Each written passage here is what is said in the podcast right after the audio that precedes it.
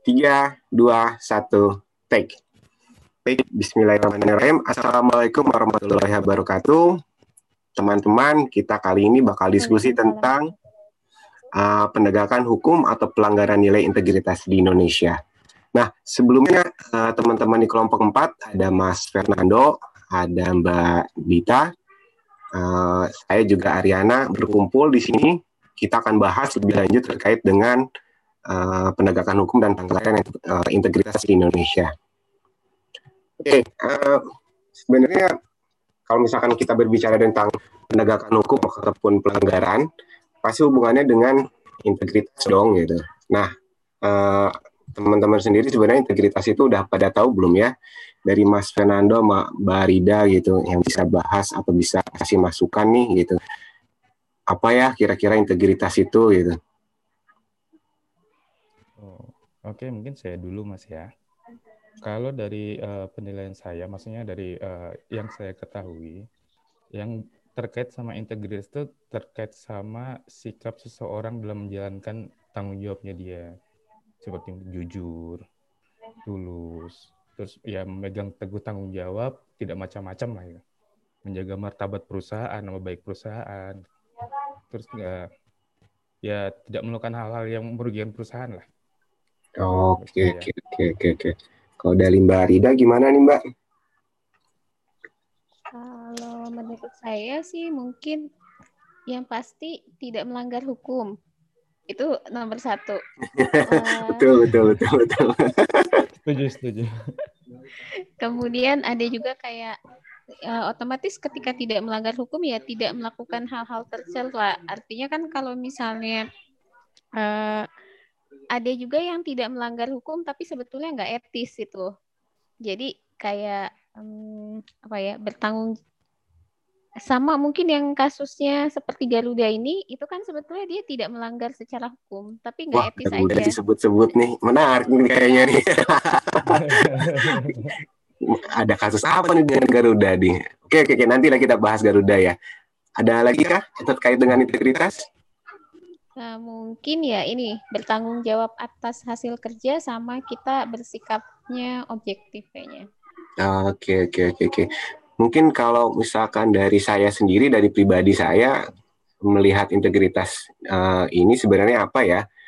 Uh, kalau misalnya pada intinya sih saya setuju banget dengan Mas Fernando sama uh, Mbak Rida ya. Pada dasarnya sebenarnya kan integritas itu berhubungan dengan uh, sistem dan moral ya dari dari uh, kalau moral itu dengan pribadinya dengan kalau sistem itu pasti dengan perusahaannya ya nah menarik sekali nih tadi Mbak Rida menyinggung soal Garuda nih bagaimana kalau misalkan kita bahas soal Garuda ya? Kita uh, lihat observasi seperti apa sih korelasi lingkungan kerja di Garuda sebelum kita uh, implementasikan ke lingkungan kita sendiri yaitu PLN ya. Apa sih Mbak yang terjadi di Garuda Mbak? Uh, mungkin udah pada tahu juga ya. Uh, jadi kalau untuk Garuda itu dia kan pernah ada nerbitin laporan keuangan. Cuma dari laporan keuangannya sendiri ada dua komisaris yang dia menolak laporan tersebut. Nah, padahal sisa lainnya itu dia menerima. Kenapa? Karena dari dua komisaris itu menganggap bahwa laporan tersebut uh, tidak sesuai dengan prinsip akuntansi. Uh, jadi awalnya itu kan Garuda ada kerjasama dengan Mahata. Nah, Hmm. Kerjasamanya sendiri dia berlangsung selama kurang lebih kalau nggak salah 20 atau 25 tahun. Tapi oh, jangka waktunya ya? Iya, jangka waktu untuk hmm. itu. Nah, dari situ seluruh pendapatannya dia akui di muka. Padahal kalau misalnya e, secara akuntansi kita kan mengakui pendapatan itu sesuai sama beban. Jadi ada hmm. matching cost against revenue. Waduh, bahasanya Mbak berat. berat. kalau Gimana ya. gimana itu bahasa umumnya apa itu Mbak jadinya Mbak? Apa ya kalau matching cost cost against revenue itu bahwa pendapatan kita itu menyesuaikan sama beban. Kalau misalnya eh, kita untuk pergi ke kantor, usah effort kita, beban kita itu apa aja? Kayak mau kalau ke kantor bensin, terus ya hmm. makan ya kayak gitu. Hmm. Uh, sedangkan pendapatannya adalah gaji. Nah, si Garuda ini sendiri, dia kan belum uh, Garuda sama Mahata itu perjanjiannya itu baru satu tahun. Dari satu tahun sendiri, masa langsung diakuin? Dia kan belum melakukan apa sih kewajibannya semua tuh. Hmm. Dia mengakui seluruh pendapatannya yang 20 tahun. Nah, itu kan nggak sesuai sama oh. prinsip, makanya itu yang ditolak. Oh, mohon dikoreksi Mbak, eh, kira-kira itu sama dengan piutang nggak ya? Ah, iya, itu oh. sama dengan uh, piutangnya si Mahata. Tapi kan pada saat pengakuan, kalau ini kita ngomong akuntansinya agak ya. boleh boleh Mbak. Siap siap. siap. Kalau Nggak belajar lah. Pada, ya, pada saat mbak. mengakui debat, artinya uh, piutangnya bertambah, di kreditnya itu apa yang nambah? Harusnya pendap uh, pendapatan kan? Hmm, nah, iya, iya. Makanya padahal pendapatannya itu kan belum terjadi, belum terrealisasi, orang belum hmm. selesai jadi nggak boleh diakuin semuanya. Oh gitu, belum boleh diakuin kalau gitu ya, walaupun dia potensi ya. Jadi masih potensi ya itu ya? Itu potensi. Iya, iya. iya. Terjadi atau enggaknya itu masih di depan. Kalau di PLN sendiri, piutang itu kan ada bad debt. Piutang ragu-ragunya tuh banyak. Oh, aduh. oh, oh iya, ini masalahnya dari Puslitbang sama UIP ya. Iya. awam mbak, awam mbak. Kami tidak tahu soal akuntansi mbak. Ini ngomong-ngomong soal Garuda Mbak, kan kemarin juga sempat ya ada berita-berita ter terkait dengan apa ya kemewahan ya. Mas Fernando mungkin tahu ya infonya itu ya. Aku tahunya sekilas saja sih yang masalah Brompton. Waduh, Brompton. Cuma nggak nggak terlalu dalam sih. Oh iya iya iya. iya. Ada Brompton ya kalau nggak salah ya. Ada ini. Jadi setauku sih emang cuma nggak ngikutin sampai dalam sih. Nah itu gimana itu ceritanya? Itu kayaknya Garuda ini tiap tahun punya sesuatu hal yang bisa jadi masuk ini ya berita ya sebenarnya ya. Tapi kok beritanya berita iya, negatif makanya. terus ya. ya udah mudah-mudahan nggak di PLN lah ya. PLN nggak kayak gitu lah ya. Iya. Mudah-mudahan sih kita iya. aman-aman aja ya gitu. Nah, balik lagi ke kita nih Mbak, ke, ke itu kan uh, berkaca dari ini ya, dari dari perusahaan BUMN lainnya ya, Mbak uh, Rida, Mbak Mas Fernando. Nah, sebenarnya di kita sendiri sebenarnya di PLN Group itu seperti apa sih yang kita rasakan ya? Maksudnya Mbak Rida rasakan, Pak Mas Fernando rasakan gitu. Jadi bisa kita lihat bahwa memang di PLN tidak seperti itu gitu. Iya, uh, mungkin saya dari kacamatanya teman-teman proyek kali ya. Hmm, boleh mas. Nah, kalau dari kacamata teman-teman proyek, kita berusaha keras untuk uh, menerapkan PLN bersih dari dulu.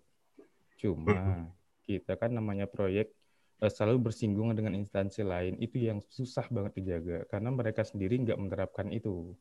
Waduh. Kita sering kali ketemu uh, yang kita harus uh, agak agak tanda kutip ya, maksudnya agak dipersulit pada saat pengurusan perizinan atau apa gitu. Sedangkan oh. uh, uh, contoh case-nya dulu pernah kami di proyek untuk pengurusan sertifikat lah ya. Pengurusan sertifikat kita kan minta uh, oke okay, tim ada mau turun, tahapannya tim mau turun untuk pengecekan lokasi dan mereka memang ada uh, aturannya untuk mereka uh, disiapkan biaya operasional. Lalu kan semua pengeluaran baik itu seribu rupiah pun harus ada jelas permintaan resminya. Oh iya betul mas, betul betul. Walaupun itu hanya seribu rupiah gitu kan. Nah ini uh, ada dua dua dari kabupaten sama dari kota. Yang dari kabupaten mau ngeluarin RAB dengan stempel artinya resmi kan dari mereka. Sedangkan hmm. yang dari kota mati-matian nggak mau. Waduh. Hmm. Iya, Repot ya kalau kayak gitu ya. Banget banget banget. Akhirnya kita udah jelasin sampai yang yang berulang kali kita bilang seribu rupiah pun kita keluarin itu harus ada yang jelas permintaan resmi dari dari instansi tersebut sama LPJ nanti gitu. Hmm. Akhirnya tertunda pengurusan sertifikatnya. Makanya oh, iya. saya sempat curhat juga sama manajer saya dulu, Pak, ini gimana kita gaung-gaungkan PLN resmi tapi instansi yang berhubungan sama kita nggak menerapkan itu juga gitu. Wah repot juga ya mas ya kok kayak gitu ya berhubungan dengan instansi luar ya. ya kalau dari sisi proyek begitu sih. Oh alah repot ya. Kalau Mbak Rida gimana Mbak? Kalau di Pusitbank sendiri sebenarnya nggak terlalu signifikan ya karena kan kita tidak berhubungan langsung dengan orang luar ya. Nah mungkin kalau pengalaman Mbak Rida di tempat Mbak Rida gimana Mbak? Kalau aku karena aku kebetulan di akuntansi ya. Jadi kalau kalau akuntansi kan eh, dia fungsinya kita di muara yang terakhir. Kita nggak tahu dengan apa transaksi-transaksi yang terjadi, tapi kalau aku bilang aku ngitung uang berapa triliun tuh pernah, tapi ngitung doang loh, nggak pernah ngelihat wujudnya. Jadi kalau di akuntansi uh, kayak kemarin ini kalau di PLN kan kita ada bikin FRA ya, free fraud uh, F uh, apa sih fraud risk assessment. Hmm, FRA, FRA ya, betul itu. betul Mbak ya. Nah, dari FRA itu sendiri kalau dari sisi akuntansi kita memang paling ada yang namanya resiko bahwa kita mencatat pendapatan di atas uh, di atas yang seharusnya. Nah, mungkin itu seperti yang di Garuda. Tapi resiko itu sendiri sebetulnya kecil. Kenapa? Uh, karena kalau di PLN itu kan ada yang namanya AP2T ya. Pendapatan PLN itu kan terutama dari penjualan listrik ke pelanggan. Jadi ada uh, aplikasi lain lagi yang namanya uh, AP2T itu dari niaga. Nah, kita uh, itu adalah interface dari aplikasi AP2T masuk langsung ke SAP. Itu satu. Yang kedua, kalau untuk belakangan ini semenjak ada pandemi, kalau di pandemi ini kita kan ada uh, untuk PLN ada diskon nih. Kalau Mas-mas mungkin tahu nggak? Banyak Mbak diskonnya berubah terus ya. Iya. Syaratnya berubah terus ya. Jadi kalau tahun 2020 kemarin dia itu ada diskon untuk uh, yang dayanya 450 itu posisinya gratis digratiskan. Hmm, Terus kalau dia 900 dayanya nah 900 itu diskon 50%. Itu hmm. yang namanya stimulus. Terus ada lagi yang namanya relaksasi. Ini semua masuknya dalam PEN. PEN itu uh, peningkatan ekonomi nasional, programnya pemerintah. Nah, eh, jadi kalau ada yang namanya relaksasi, semua yang eh, dia selain daripada rumah tangga itu dibebaskan untuk biaya minimumnya atau eh, abodemen. Jadi dia nggak perlu bayar eh, nggak perlu bayar abodemen.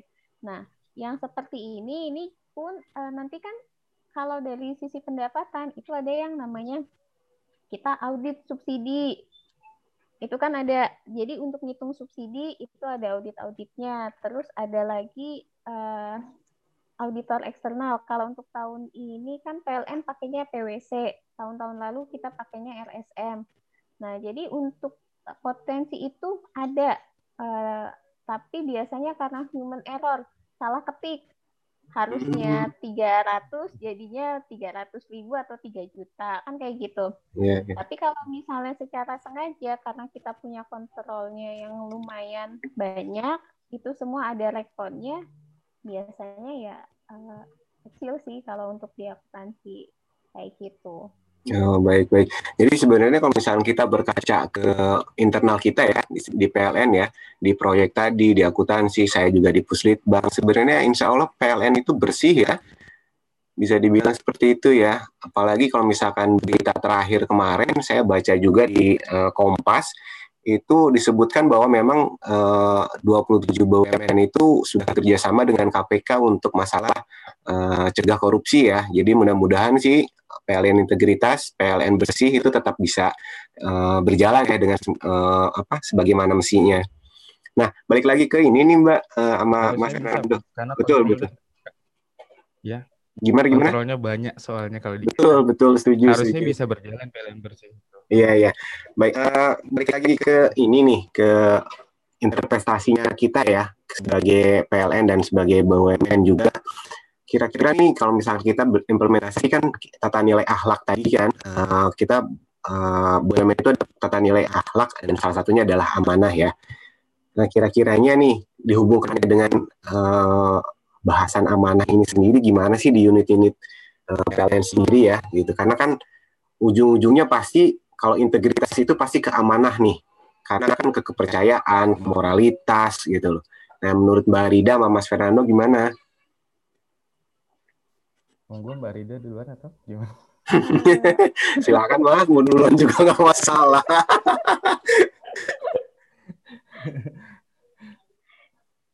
Kalau dari saya sih, misalnya untuk amanah itu kan salah satunya bertanggung jawab atas tugas, keputusan, dan tindakan yang dilakukan. Nah, ini sebetulnya kalau di Disjaya sendiri, jujur ya, aku nggak tahu nih, udah pada pernah dengar belum? Kalau di Disjaya juga ada kasus. Waduh, waduh, udah pernah itu, Bang. Betul, betul, betul. Ada kemarin ya, seru juga itu loh ngikutinnya.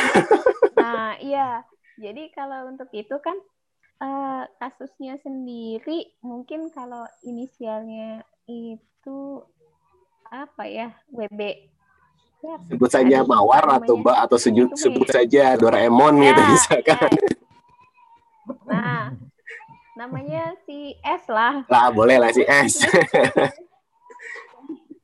Jadi kalau si S-nya ini sendiri sebetulnya kalau secara perusahaan uh, tidak melakukan apa ya tidak ada yang namanya uh, sesuatu yang merugikan merugikan perusahaannya itu lebih ke arah nama baik hmm. jadi jadi dia tidak bertanggung jawab terhadap apa yang dilakukan membuat uh, jabatan palsu ada juga itu hmm. ini ya itu sih ya itu yang kena ya lumayan banyak dan kayaknya prosesnya sudah masuk di ranah hukum juga kalau Oh itu nggak nggak selesai di PLN sendiri ya nggak ya mbak ya?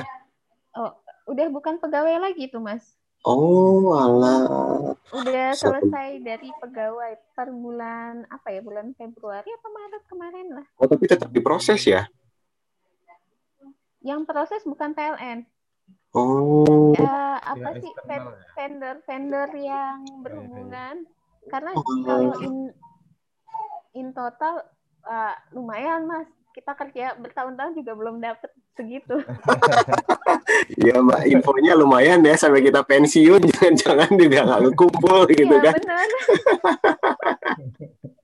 ya ya ya Allah mudah-mudahan enggak lah ya nggak kejadian lagi ya di PLN kayak gitu ya gitu kita harus jaga benar-benar amanah uh, sebagai salah satu nilai akhlak terbaik kita ya. Nah, uh, balik lagi ke amanah tadi ya, kira-kira di Mas Fernando ataupun Mbak Rida, ya kalau misalkan di saya di Puslitbang ya, uh, kira-kira kita harus mengambil atau mengimplementasikannya seperti apa ya amanah itu di, di lingkungan kerja kita ya. Kalau saya kalau misalkan di Puslitbang sendiri ya sebenarnya kalau misalkan dari sisi amanah, uh, setahu saya itu GM itu selalu memberikan contoh ya. Jadi kayak misalkan dia kemarin baru saja dapat bang, uh, bingkisan, itu langsung dilaporkan ke COS. Padahal bingkisannya mungkin kita bisa bilang bahwa itu kayaknya nggak perlu dilaporin deh gitu. Cuman karena memang uh, amanahnya yang tinggi dari GM, memberikan contoh yang baik, terus ceritanya juga kan jadinya ngikut ya. Kita jadi jadi kalau misalkan ada dapat hadiah sedikit pun kita juga langsung lapor ke COS gitu. Nah, kalau misalkan di Mas Fernando sama Mbak Rida gimana nih? Kalau misalkan di Puslitbang kan mm, kecil sekali ya gitu efeknya gitu. Tapi ya itu sudah menjadi contoh yang baik juga gitu. Ya. Kayaknya mungkin tempat Mas Fernando yang lebih nah, apa ya, mudah, lebih banyak contoh. banyak ya, oh, tadi udah disebutin dari awal ya. Itu satu kalau berhubungan dengan instansi luar terus kita berhubungan dengan uh, uh, apa ya kontraktor kita pun bukan bukan cuma sekedar ngurus aja mereka pasti akan berusaha untuk mendapatkan sesuatu yang spesial kan dengan mungkin memberikan bingkisan kayak tadi ya, untuk uh, sebagai pribadi saya sendiri sih maksudnya apa namanya ya sebisa mungkin kita untuk menolak itu Oke, okay, okay. oh. menolak itu. Jadi takut untuk nanti kalau sampai terjadi konflik kepentingan ibaratnya kayak kalau misalnya kita terima terus ada rasa gak enak hati keputusan harus kita ambil terus jadi nggak enak untuk disampaikan hmm. ke kantor kan betul betul betul biar nanti sampai ke depannya itu netral terus semua bingkisan itu pasti akan ditolak betul jadi, betul sama berarti ya mas ya uh, jadi belum sampai ke tangan saya jadi saya belum belum harus melaporkan lewat cos. saya udah udah nggak mau saya terima. Baik, baik, baik. Berarti sebenarnya sama aja ya di PLN Puslitbang, di PLN UIF, di PLN Disjaya, yang namanya PLN berintegritas, PLN bersih no suap itu memang sudah digalakan ya. Maksudnya sudah sudah jadi darah daging kita lah sehari-hari di ya. di pekerjaan ya. Oke, oke. Ya. Dari Barida mungkin atau Mas Feranda yang mau ditambahkan? Oh, mungkin satu lagi kayak kalau kami di UIP uh, apa namanya ya? Kayaknya kalau tidak salah saya rutin tiap tahun jajaran manajemen itu menandatangani fakta integritas namanya. Iya Mas, benar-benar sama-sama di Puslitbang juga ya. Iya. Di Disjaya juga ya Mbak. Di Disjaya juga. Ah, betul betul betul betul. Satu komitmennya kita gitu loh. Iya iya iya iya ya. Kita tanda tangan ya itu ya.